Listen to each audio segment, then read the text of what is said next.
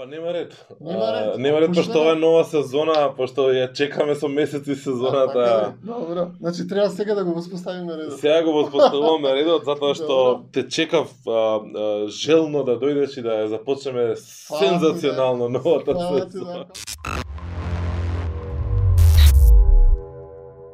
Ја наречеме оваа трета сезона на комуникација видео подкаст со тоа што ќе се обидеме да ја вратиме малце повеќе на кај аудио, помалку на кај видео, не дека некој пат била нешто претерано многу различна, се заради тоа што подкастот е повторно назад во мода. Морам нешто да кажам, веднаш ќе те прекинам сега, иако кај нас трендот е, нели, дека тоа е елитен тип на медиумска содржина, дебати.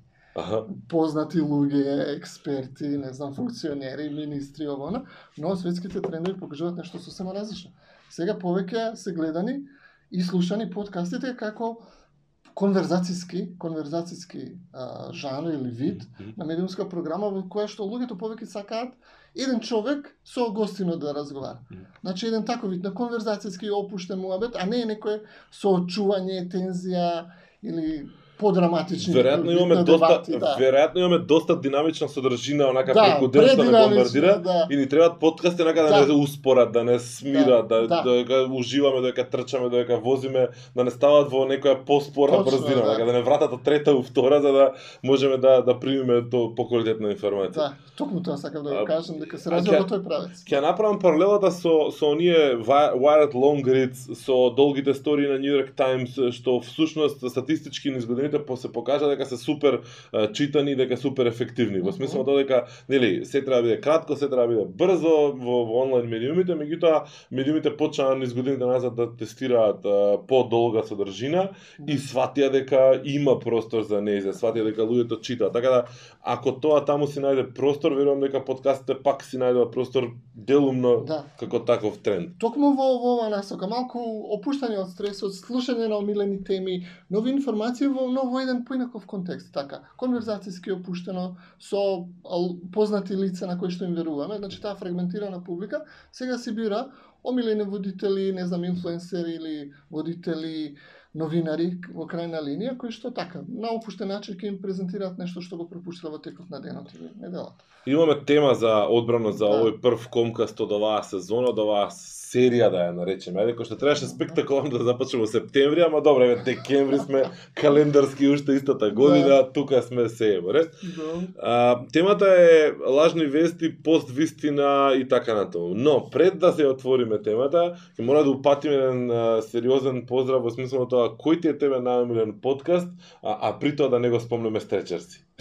А, ја, јас многу се закачив или се навлеков на Рингер и Бил Симонс има уште неколку многу добри новинарски спортски новинари, новинарски имења кои што редовно ги следам на вистина и така се конверзацијски опуштени, но многу добро подготвени. Значи да не не залажува дека они тука, тука нешто шеги разменуваат, туку на вистина се подковани, ама во таков опуштен муабечиски тон кажуваат многу корисни работи, доста, како да кажам, аналитички, во секој смисол и тоа ми е за сега. Значи, спортските прот, бот, прот, подкасти, пардон, и а, често за нормално, за медиумски, медиумски содржина, оно што е ново за стримингот, например, следам а, доста подкасти кои што следат тоа стриминг wars. Аха, аха. помеѓу разните компании, тука доста е тоа актуелно и не знам дали ќе Да, и јас сум еден од оние со кесата пуканки во да, рака и што. да, да. Сега сите чекаме што ќе се случи со стриминзите, да.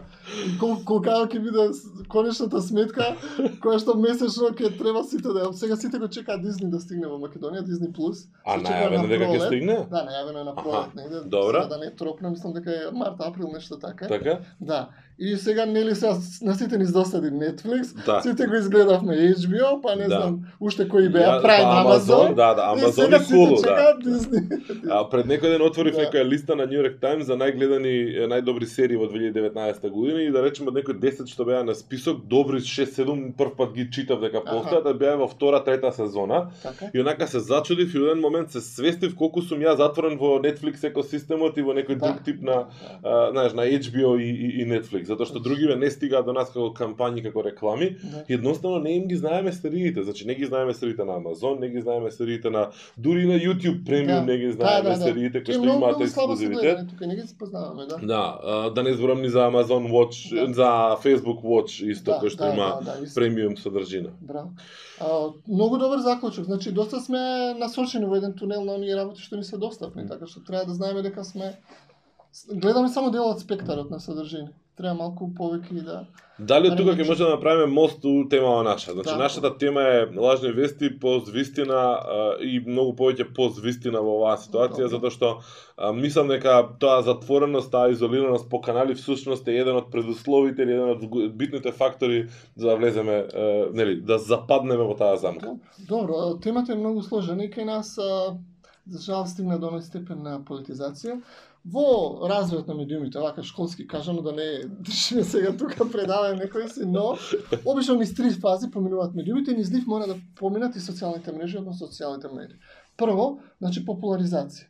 Значи да соберат публика корисници за, за да станат станат релевантни. Потоа веднаш се бараат бизнис модели. Значи мора да се комерцијализира за да опстанат, за да функционираат на пазарот во таа во таа комплексна сложена мрежа на сервиси, медиуми и така натаму. И третата е за жал политизација. Значи кога ќе се развијат на тие две нива, популаризација и комерцијализација, веднаш стануваат релевантни за протоците на мок, влијание на политичките процеси и веднаш тука политичките фактори ги ги зграбнуваат. Она прво што се случи позитивно беше а, политизацијата на социјалните мрежи. Сите се сеќаваме 2008 Обама како ги користеше социјалните медии. Да, Сите бевме да, фасцинирани. да. Како се како они преку социјалните мрежи дојдоа до еден а, фрагмент, сегмент од популацијата која што беше политички неактивна. Значи Па мобилизира арапска млади, пролет и сите други, Да. да, да. И да. сите под и сите гледавме со воодушување како се случува тоа. И тогаш нивните политички противници или оние кои што конкуренти рекоа чекајте, па и ние не сме толку неинтелигентни, ние ќе најдеме некоја формула која што ќе ни овозможи преку социјалните мрежи да допреме до повеќе гласачи или оние гласачи кои што ни се блиски, ама се пасивни. И тогаш се случи Трамп. И сите, сите негативно гледаме како Трамп, Брекзит ги изманипулира, злоупотребија а, социјалните мрежи, но во суштина тоа беа две лица на политизација на социјалните медиуми. Дали дали истиов дали истиов тренд историски гледано е забележан или може да се посведочи и кај другите медиуми? Значи дали и за телевизијата може да се каже истото или Да, за радиото да. може да се каже истото? Во смисла дека на почеток позитивни е, политички Апсолутно. влијанија, Сега, позитивни и негативни и политички влијанија е пак дискусија од која страна гледаме. така, нормално е. Значи, секогаш сме субјективни или гледаме од идеолошко политичката позиција која што на нас не одговара. Да. Не не можеме да бидеме објективни Така. до крај. Вистина тоа, Дарко, а, значи се повторуваат. Јас дури сега не, не, не можам да елаборирам многу детали, се повторува приказната и со весниците, Мгм, и со да, радиото, да. и со телевизијата. Еве ќе земам, значи сите тие кога биле а, популаризирани првата фаза, значи биле пропагирани или рекламирани или ширени под аурата дека тоа е сега тој технооптимизам, технолошки оптимизам ќе придонесат за позитивна револуција. Луѓето ќе имаат повеќе информации, подобро ќе се информираат, подобро ќе резонираме, а, општеството ќе биде порационално, Да. нели? Да. ќе има дискусија, здрава дебата и потоа, но за жал нешто се Лажните расипува. Да. Нешто во пракса се расипува и со а, што се случи со весниците? Откако, нели, првите генерации на весниците во 18 век беа многу скапи, немаше секој да ги Да. купи. Да. И да. потоа се појави оние а, пени а, пени а, newspapers или Мм. пени газетс, односно ефтини, Мм. ефтини весници кои што прво се појавија во Англија и во Америка особено и откако стана ефтин ефтина хартијата за печатење, малку се автоматизираше, механизираше самиот процес на печатење и може да се дозволат поевтини весници. Но што се случи? Се веднаш се постои појавија таблоидите, односно жолтиот печат Да. да. жолтиот печат кој што а, негативно влијаеше, значи имаше а, многу проблеми и тогаш со дезинформација, со лажни вести, со политички црни кампањи и така натаму. Радиото исто, значи прво беше пропагирано како а, како да кажам, интелектуален спасител, Да. дека сега сите ќе станеме просветлени, Да, просветени, да. подобро информирани, заврши со нацизам и фашизам, пардон. Се покажа дека фашистите и нацистите, особено Хитлер и Да, Мусолини, кои што да, беа да. страшно, страшно способни оратори, дека ги палеа масите преку Мм, радио. Тоа беше за нив магичен медиум. Да. Значи, пред тоа луѓето со со векови можеа само да читаат што кажал М. некој крал, лидер. Да, да не се пренесува, да. да. И, значи, тоа навистина беше магија за првите слушатели на радиото да го слушаат во живо гласот на некој голем лидер. Значи, ширењето на фашизмот и нацизмот многу му должи на радиото. Телевизијата исто.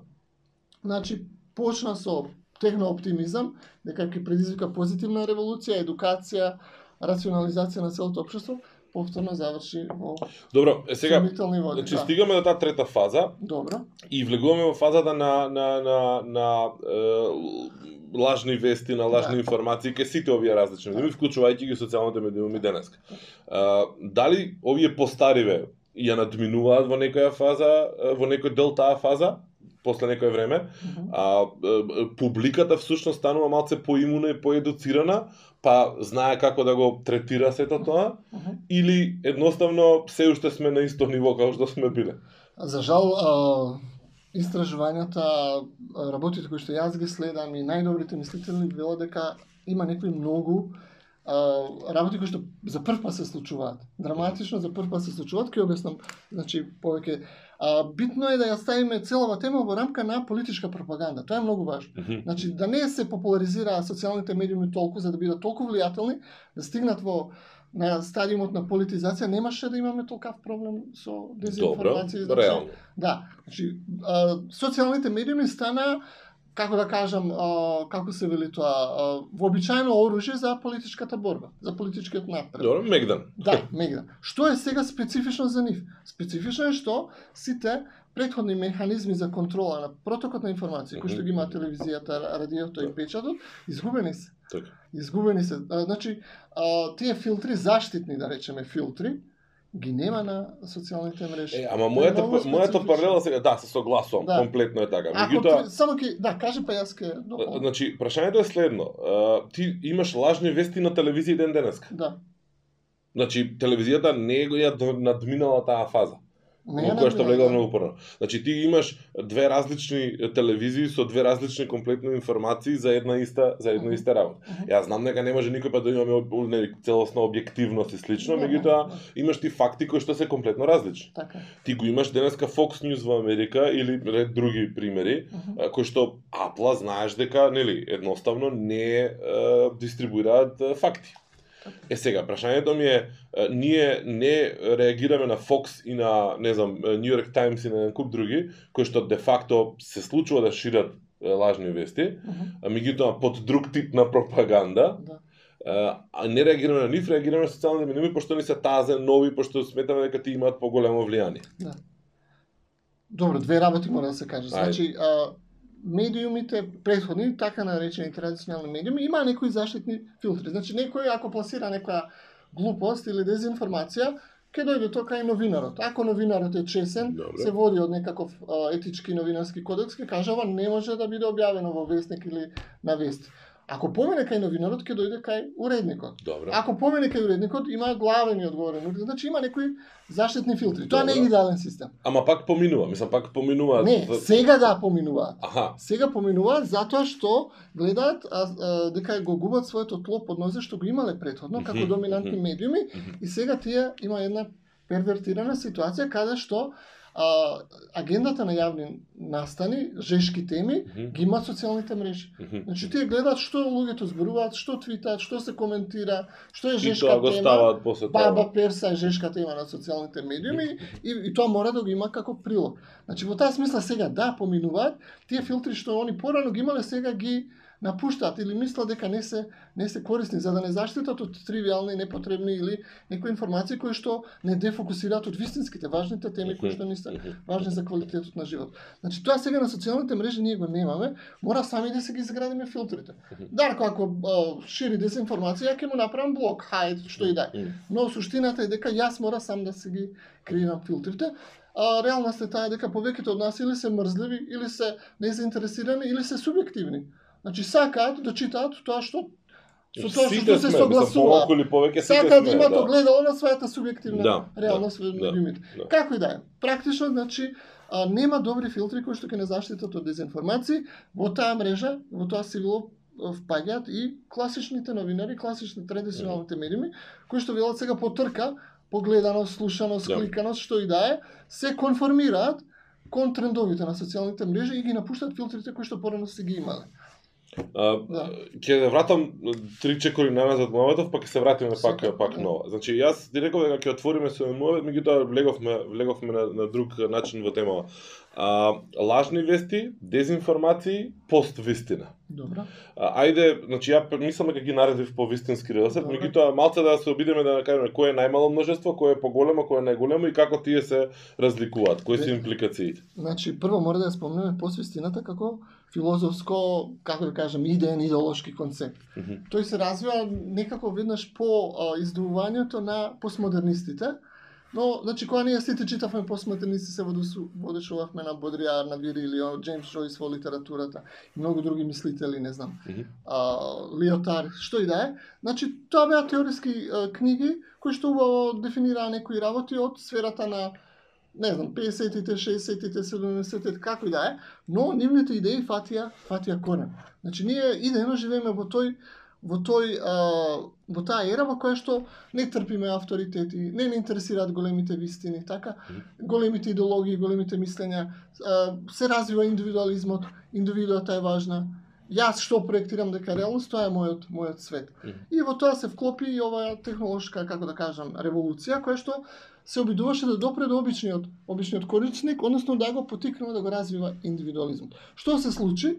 Се случи дека вистината, фактите, се, ја изгубија својата вредност или важност. Важно е она што е вистина за мене.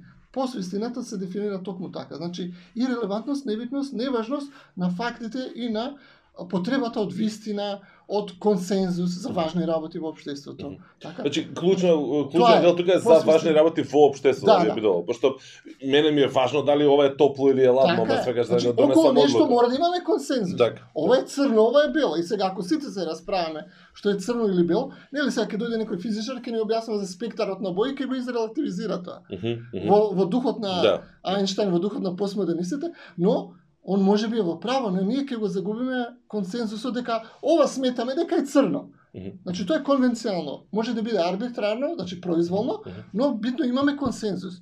Ова ќе сметаме дека е позитивно, не треба се прави и ова ќе сметаме дека е негативно, треба да го одбегнуваме заради што? Заради јавниот интерес. Е, посвистината е таа. Значи се губат, се губи тлото платформата за тие консензуални, конвенционални работи околу што сите имаме согласност.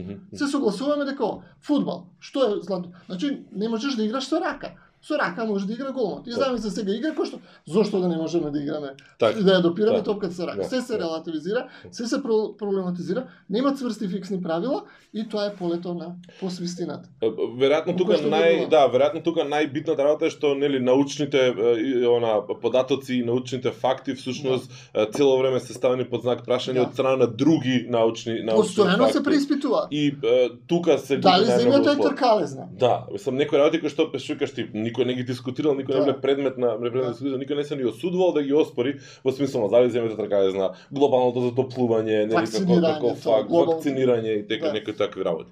И сега Тоа е контекстот. А, значи тоа е контекстот на пост, на на, на пост вистина. Што А, се случува сега? Значи, следниот стадиум е дезинформациите.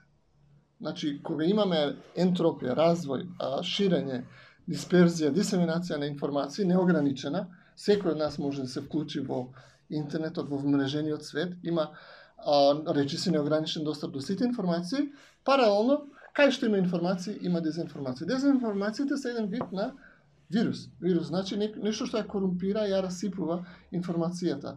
А, како класичен вирус кој што паразитира врз врз клетката на организмот, така и дезинформациите а, се развиваат. Тие се следната категорија. Што е дезинформација? Значи мора да се прави разлика а, помеѓу погрешна, погрешна информација, мгм, тоа го викаме misinformation. Добро. Misinformation. Значи, Тоа нешто јас може да намера, сгреш, добро, немаш намера Да, да објавиш нешто што е јасно. неточно. Јасно. Дезинформација велиме дека е лажна информација. Јас знам дека е лажна, Намерно е. да. намерно ја пласирам, ја објавувам, ја пуштам во системот на информации. мгм, Дезинформацијата гола не може да функционира. Значи, полесно. Замисли ти да имаш отров некој кој што е во некој шишенце. За да функционира мора да го Така. накапиш во некоја друга Јасно. за да се за да се Расшири. расшири. Значи така функционира дезинфор- дезинформација. Тие се капки на намерни, лажни, манипулативни информации ставени во другите информации и така се шират низ интернетот како вирус. Што се фейк, фейк news? Тоа се лажни вести, тие се само подтип на дезинформациите. Мгм. Дезинформациите може да бидат десетина различни видови, кај нас од пракса, јас тоа го поручував и истражував, најчесто се а, лажна информација, лажна информација Мгм. измешана со точна информација. Мгм, И да се добро, коректно и вметнати лажни информации. И о, го предизвикува својот онака а, ефект на Синџер, зависно од таа дезинформација која што таму имплантирана, се добива сосема друга интерпретација на на текстот, на веста, на настанот, што и да е. Потоа може да биде точна информација, ама а, манипулативен коментар. мгм. Ние тоа имаме многу пракса. Да, Значи, се да, ред. да. Прес конференција, настан во живо и потоа а, може може и во најава на прилогот или во Да. поднасловот Контекстот го врзуваш, да. точна информација, ама придружена со манипулативен, дезинформативен коментар, Мгм, мгм. целосно да ја Едно време спин го Извади. викаат Да. тоа. Значи тоа е спинување, Да. се менува речникот, се согласувам, Да, да, но тоа е да. практично вметнување, една од техниките за вметнување на дезинформација. Има уште десетици сега да не ги редам, Добро. може би немаме време. Мгм. А, а, лажна информација целосно измислена вест. Тоа е фейк news. мгм, мгм, Целосно измислена вест. мгм, мгм. Нешто се случило, а не се случило. Добро, Целосно измислено. е така, значи кога кога имаме некоја тип на дезинформација. А, моја претпоставка е дека се прави многу често многу често мешање на овие различни типови на, на дезинформации и дека многу често кога ќе кажеме лажна вест мислиме дека се тоа оние велешаните кои што баш буквално креираат нула вести кои што само имаа за цел да Да. а, добијат некакви кликови за да заработат нели пари а нема никаква позадина политичка или било каква друг тип манипулативна а, а, позадина и а, ги поистоветуваме со оние кои што се онака знаеш капка во Да, нешто во- повеќе кои што се далеку поопасни од овие Тие други. се поопасни, точно. Апсолутно се сложувам со тоа. Да речеме има лажна вест, е, не знам, 10.000 мигранти сакале да да поминат границата со Македонија и да се упат, значи тоа е целосно измислена вест, не се случило такво нешто. А, или не знам, кога беше политичката тензија тука или политичката криза, имаше такви информации. Ке дошле, не знам, од север, дали од Србија, Да. дали од Косово, не знам да. што, веќе не беше пласирано. За мигрантите исто има доста така измислени, лажни, целосно лажни.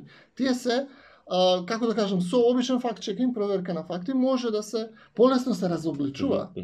Полесно се разобличуваат. Ние ако сме мотивирани да ги читаме, да ги најдеме истинските информации, полесно ќе ги разобличиме. Многу се потешки овие кои што се zamrsani, zapletkani i Е, сега, стигаме до некоја фаза во која што на глобално ниво ова се теми кои што се дискутираат веќе жестоко неколку години, а, се покажува со прст на едни на други, на трети, се префрла одговорност, се префрла вина. А, мојот, моето чувство е дека тие што се да речеме центри одговорни да нешто преземат, напротив, не, не само што не преземат, туку се, преку ден малтане се обидуваат да се презентираат дека се обидуваат да се борат против тоа, преку ноќ всушност барат начини како да го искористат исти, Да да ги искористат истите техники за за во своја во своја полза. А, прашањето е дали можеме да обвиниме некој или да посочиме некој дека е поодговорен од некој друг за оваа состојба во која што сме сега и а, следствено на тоа да почнеме да разговараме за што понатаму, што, како можеме да размислуваме дека ќе се развива целата оваа ситуација и нели идеално а, дали можеме некако да очекуваме дека ќе станеме поимуни на тоа. Да.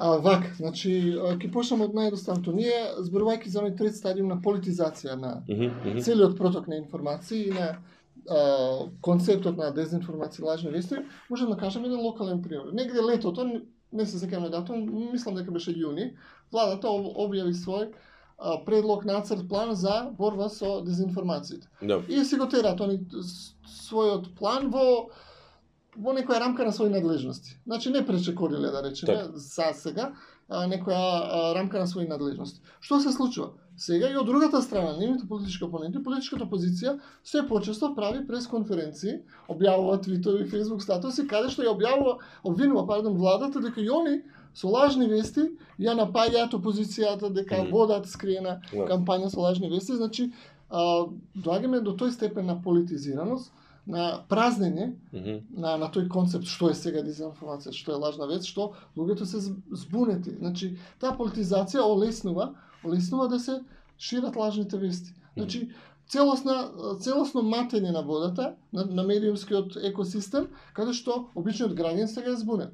Владата вели дека напаѓаат со лажни вести, опозицијата а, исто така обвинува за тоа и сега никој не знае што е всушност лажна вест. Да. Што е Да. последицата? Само да довршам мислата дека се исклучуваме. Најголемо дел Да. од нив се исклучуваме. Значи, а, развиваме практично неверојатно голема недоверба кон сите, и кон институциите, и политичките субјекти, и кон медиумите, и кон новинарите, и подпаѓаме сега на нешто мораме да веруваме за објективната реалност. Так, не можеме сами да ја креираме таа, Мгм. како да кажем, сложена слика или тој мозаик, Да, да. И ако јас не верувам на владата, не верувам на опозицијата, не верувам на медиумите вакви и онакви, јас верувам на Дарко. Мгм. Значи, мојот потесен социјален Так, круг на пријатели так. и тука паѓаме во оние ехо комори или social media bubbles, балони, Мгм, мгм. каде што се губиме, се фрагментираме до мали групи кои што мислат, мислат дека знаат што се случува, Мгм. случува околу нив. Всушност сакаат да знаат, Да, сакаат да го имат чувството дека знаат што се случува. Значи, а, сега ме подсети на еден многу добар цитат, значи The Loudest Voice, а, многу добра серија, е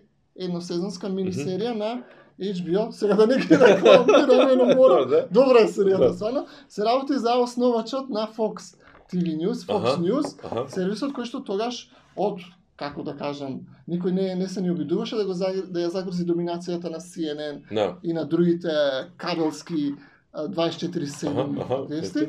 Fox News се појави тогаш Роджер Айлс беше човекот кој што беше ангажиран да организира таа телевизија. И сега а, знаеме што се случи. Растури, Fox News растури. Мгм. Го надмина и, а, и CNN и CNBC, мислам дека беа во тој Мгм, мгм. дел на медиуми. А, и во тој процес, кога он се бори да се оствари не- неговата визија како треба да функционира Fox News, го прашуваат зошто пласирате волку глупости, дезинформации, а, други работи кои што не се фактографски издржани. Вика, и сега во, екот на таа дискусија му велат, а, луѓето сакаат да бидат информирани, мислејќи дека сакаат факти, проверени информации. Вика, не.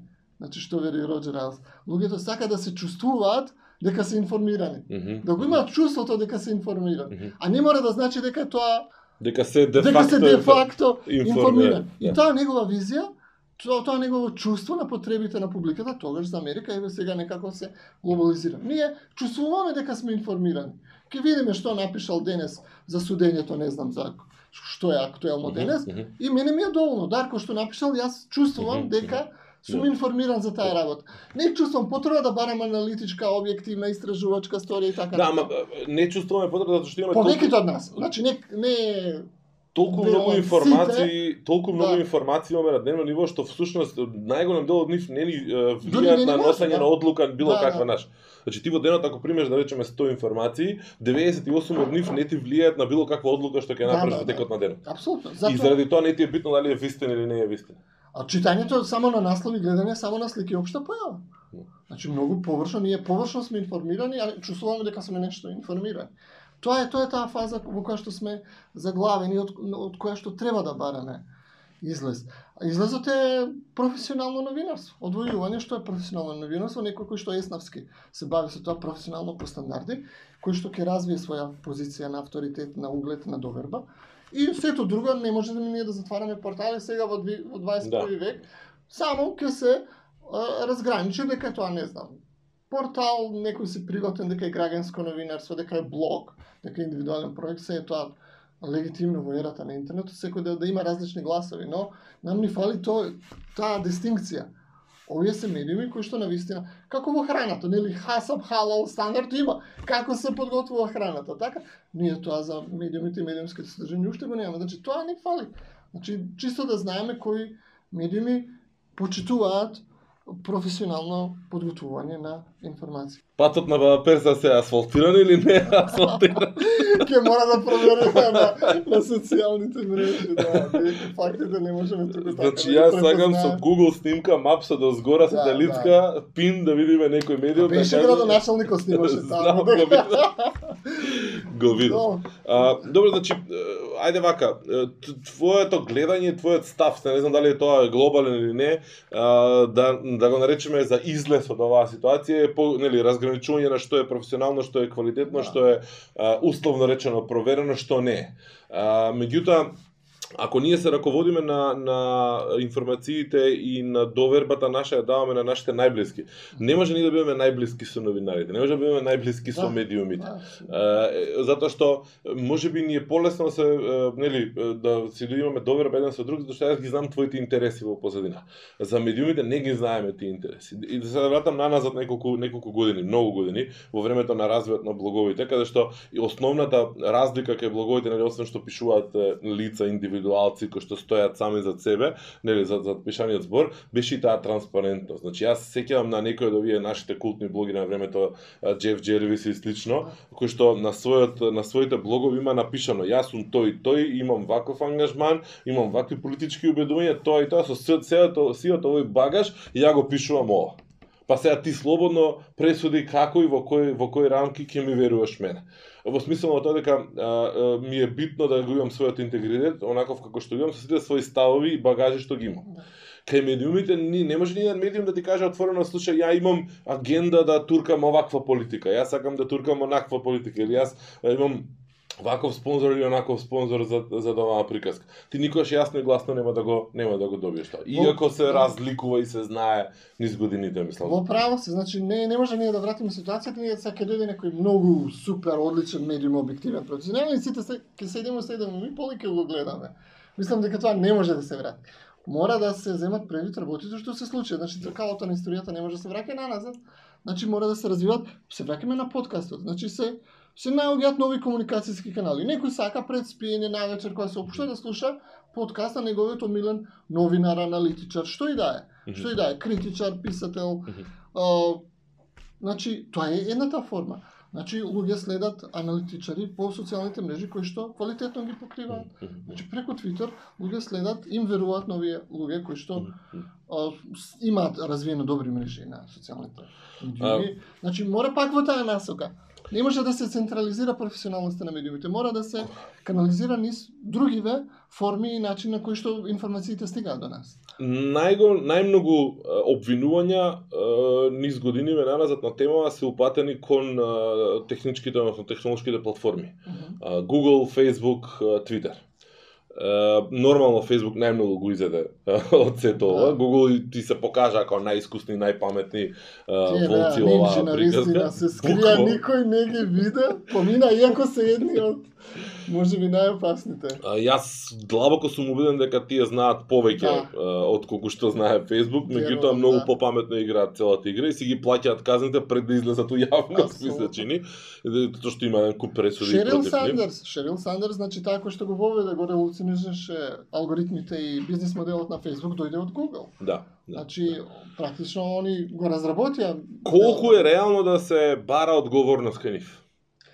А, мора, значи они мора да се повикаат. Многу е се надевам дека нема трагично да заврши оваа приказна со интернет и социјалните мрежи. Целата а, како да кажам, целиот ентузијазам, оптимизам, развојот на интернетот беше во неговата слобода, во неговата отвореност, така? И сега кога ќе видите што прават Facebook и другите онлайн гиганти, така ги нарекуваат, значи практично се доаѓа до заклучок дека ние мора да воспоставиме некои правила и некаква регулација, дури врз нив. Инаку нема да бидеме заштитени. Мгм. Дури во оваа фаза Facebook изјавува дека нема да прави факт чекинг проверка на политичките реклами за следниве избори. Twitter нема да објавува реклами, другите мрежи нешто се обидуваат во матно и тиролот. Значи пак не сме стигнати до некој Да, ама степен кај што паралелата ќе не уверат дека они сега Да. ќе се поправат. а, паралелата паралелата која е? Значи дали CNN и NBC и, и BBC правеле факт чекинг на рекламите кои што им биле пуштани за за избори? Да, имало одбивани реклами. Да. Имало одбивани, значи имало некоја проверка и одобрување. Мгм, мгм. Кај телевизиите. Сега не не сакам да кажам дека тоа било идеално супер совршено се, имало глупости веројатно, пристрасности и политички и такви натаму, Така. но имало процедури за проверка. Facebook вели, ние тоа нема да го правиме за да заштитиме слободата на говор, всушност практично си го продолжуваат бизнес моделот и праксата која што имаа до сега. А, значи, тоа се компании комерцијални кои што се постојат за да направат профит на своите собственици, акционери и така да натаму. забравиме. Но е сега и телевизиите биле еднакво комерцијално ориентирани, мислам и се уште се Да. ентитети. А, иако морам да бидам искрен дека многу често телевизии во сам почеток се правеле и се основале заради остварување на политичко влијание, не заради комерцијален а, успех. Најчесто да. Е, за разлика од Facebook и, и, и Google и слично, ја не верувам дека барем од моите од моите перспективи гледани и текстови isчитани, интервјуа и слично, а, не верувам дека кога биле направени имале некаква далечна визија дека они ќе имаат политичко влијание. Мгм. Во моментов имаат, сериозно, Секако, големо да. и така натаму. Тие не се конструирани за да се справат со политичкото влијание кое што може да го да го изгенерираат. Се сложувам, да. а, тие се ориентирани и изградени да направат профит. Во оваа ситуација, се што е легално, нелегално, етички, неетички, вистина, невистина, нив им е гајда затоа што им носи профит. Сериозен профит. И гледаат да видат што е можно помалце на, нели, на удар. Да. А, зошто и како би можеле сега да се очекува да, да развијат нови нови механизми? Зошто Не, кошта? Значи, а, Значи, тоа е многу... загубат дел од профит. Јасно, значи они ќе ќе го тера да го максимизира својот бизнес модел во смисла на профитабилност. Но што се случува? Бидејќи сега сега во опасна зона на исполитизираност и големо политичко влијание, се случува една од кандидатките на демократите за председателски кандидат страшно води кампања против Facebook. Мгм. Значи ако таа жена стане стане председател, веднаш ќе наметне некој некој како да кажам синџир на процеси кои што молит? За... а, заборив како се викаше. А не, ама шпа... од од Њујорк што е тип Да, сенаторката, заборив како се вика. Како и да е. како и да е. Да. Така што мите ке нисте па што не да. не следам толку одблиску, но ако таа жена стане председател од страна на демократите, веројатно ќе наметне некој процес на подсврста регулација на социјалните мрежи.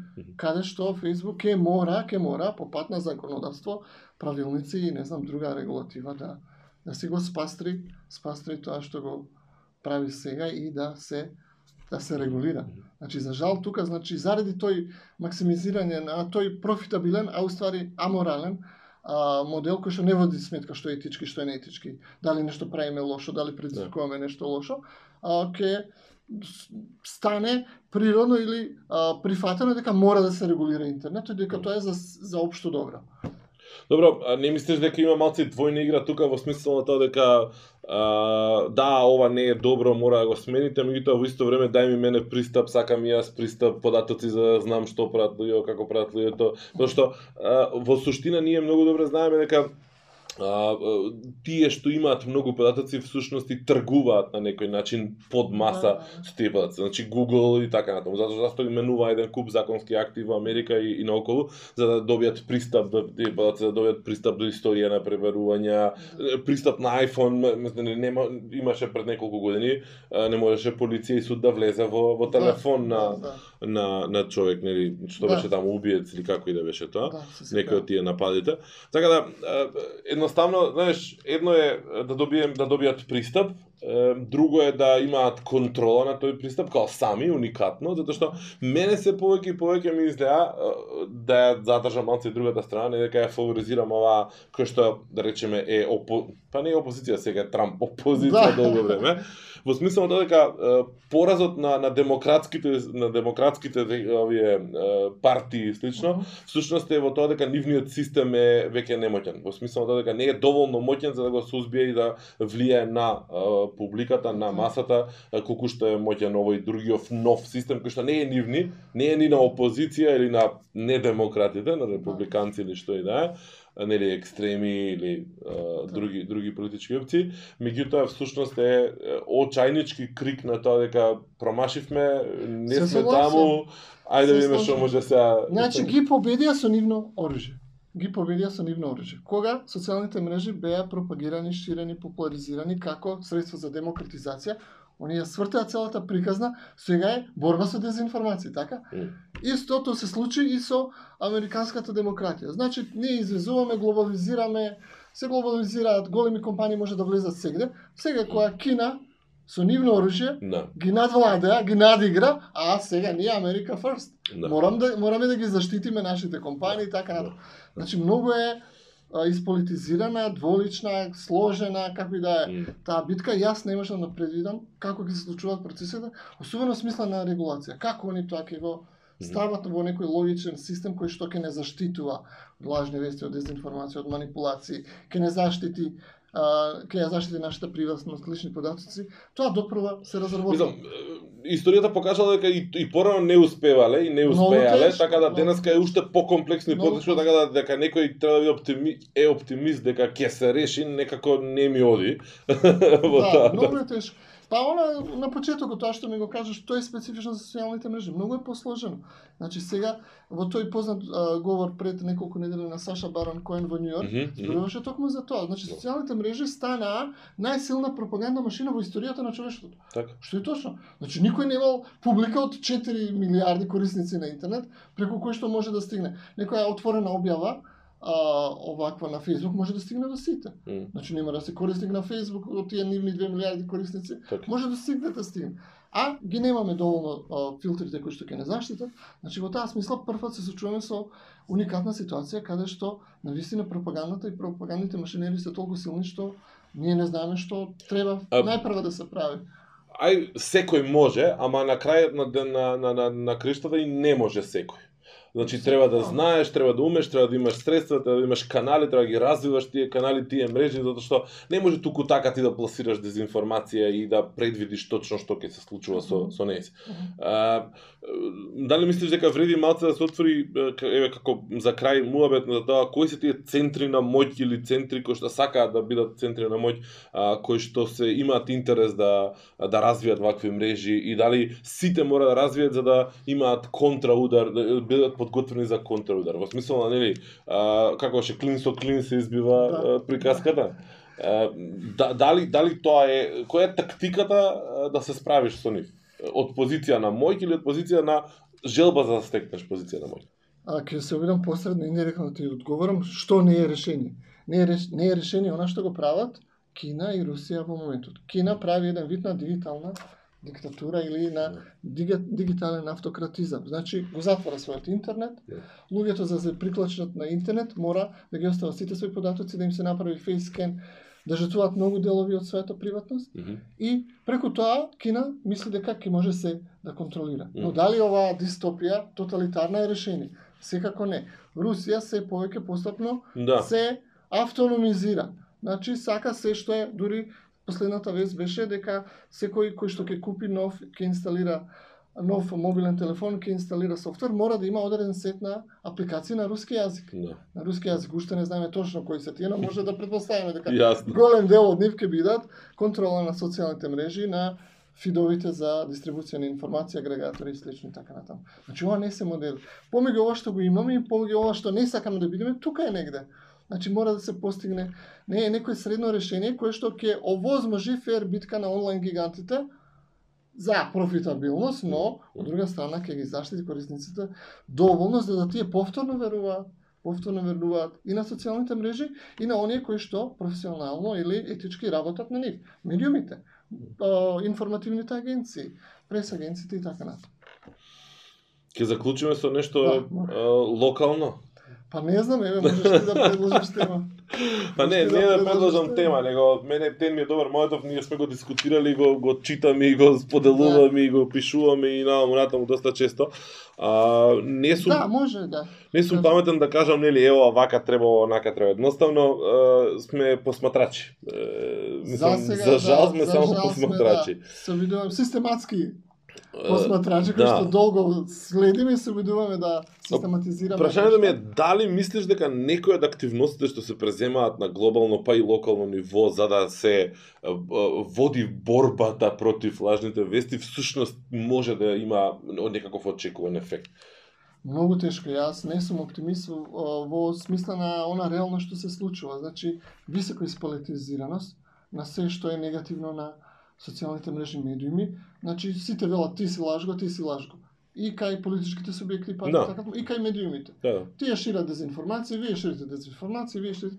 Значи, во таа смисла не гледам уште доволна созреност, не се случило нешто, фала Богу, катаклизмично, каде што ќе кажат, на вистина претеравме, ајде да се договориме што да правиме. Значи, таа свест осуства и на политичко и на медиумско ниво. Од друга страна, а, онлайн медиумите не успеа да најдат некој а, доволно функционален бизнис модел, каде што ќе ги развијат редакциите, комуникацијските канали, и ќе кажат ќе бидат само самостојни без без штетно влијание политичко и економско. Мгм, мгм. Значи, има има решенија, а, треба да се ги барат, но практично тие имаат изгубено својата да не кажам само финансиска врска со корисникот, Така, туку Така. секаква врска. така. Значи тие мора за да опстанат мора да се поврзуваат исклучиво со компаниите, исклучиво со политичките заштитници или А, Еве ти е паралелата за крај. да. Паралелата за крај е тотално различна, меѓутоа не наведува на темовете. Дали мислиш дека во Македонија може да функционира а, а, медиум кој што ќе се онлайн, кој што ќе се плаќа? Може. Може. Сега не сакам да давам бесплатни консултантски услуги, но длабоко сум уверен. Значи може. Еве една обична, значи ако сите една информација што се случило денес, судењето не знам на Камчев Да, кој да е, да.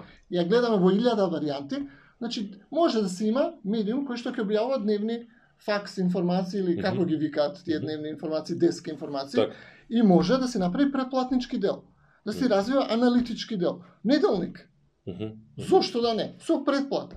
Мгм. Ќе го плакаме онлайн. Интервјуа, анализи, истражувачки истории и така натаму. Сите ќе платиме за тоа. Значи нешто што ќе ни помогне да се одлепиме. Не, Што Од овие не дневни што е глупости. најтрагично не е потребно сите. Мислам дека Не ако се мора направи математика треба 500 критично. луѓе се Да. се доволни за да имаш Апсолутно. о, са- Едноставна самоодржлив работа. модел. Има еден дел дневни информации. Има еден дел посериозен истражувачки кој што се плаќа. Мгм. Тоа може.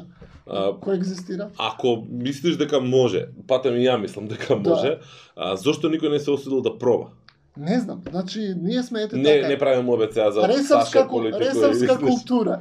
Ако е некој го направи тоа, сите ќе се јават одма 15. И ќе го уништи на ново уништа, правило. да. Да, да. Мислам дека сите се плашат од тоа. Добро, тоа е мислам дека. Себе кога ќе направиш па ќе ти го земат другите. Аха. Да. Како да го заштити? Како да бидеш различен, како да бидеш доволно одржлив. Но дека може да има а, успешни а, медиуми со предплатнички сервис, да, апсолутно. Не мија или некој таков. Да, да, да, јасно, јасно. Туку со вакви навистина квалитетни. На ниво на на неделник, месечник, како и да е. М. Секој ќе плати, значи, наместо да оди во трафика да го купи неделникот или месечникот, може да се претплати на него. Сега, а, снимаме да, некои малку- 40 и кусур минути. Малку ги а, рековме да. околу 20 до 30. Ама како и да е, вредеше да се чека отварање на нова сезона на толку жешка и актуелна тема. А, мене ми е секојаш задоволство кога можам да дискутирам вака особено со Ти благодарам, Дако, што ме повика. Се надевам бевме корисни. Што ме што што го повика кажавме, бре, овој да да. на комуникација, комуникација наш. Не, не, ме чекаше да ја отворим сезоната. Да, да, да, бев- Се бев чувствувам упорен. благодарен, Бев да. упорен, Да, да. ме влечеше за рака и ме доведе. Го уважувам, го почитувам тој и затоа сум благодарен. А, се враќаме назад на на комуникација, се враќаме со Комкаст, а, ќе одиме повторно со некако ваков сличен стил на на видеа, а, и на и на интервјуа, на разговори како и да ги наречеме. Јас сакав да глумам малце поспори да бидеме, ама не може Да, таков е Нашата хемија е така конверзацијска, да. Тоа е. А, Барем сме природни, непосредни, да. Да. Uh, нормално ова иде на YouTube, иде и на еден куп други платформи кои што може само аудио да се слуша. Uh, не заборавајте да се сабскрајбнете, предплатите, ставите у фит или што и да веќе правите. Uh, следното видео ќе биде кога ќе биде готово изнимено. Не правим никакви ветувања, пошто од септември навака ветувам. Добро. Сега фала ти. Благодарам и тебе, Дарко.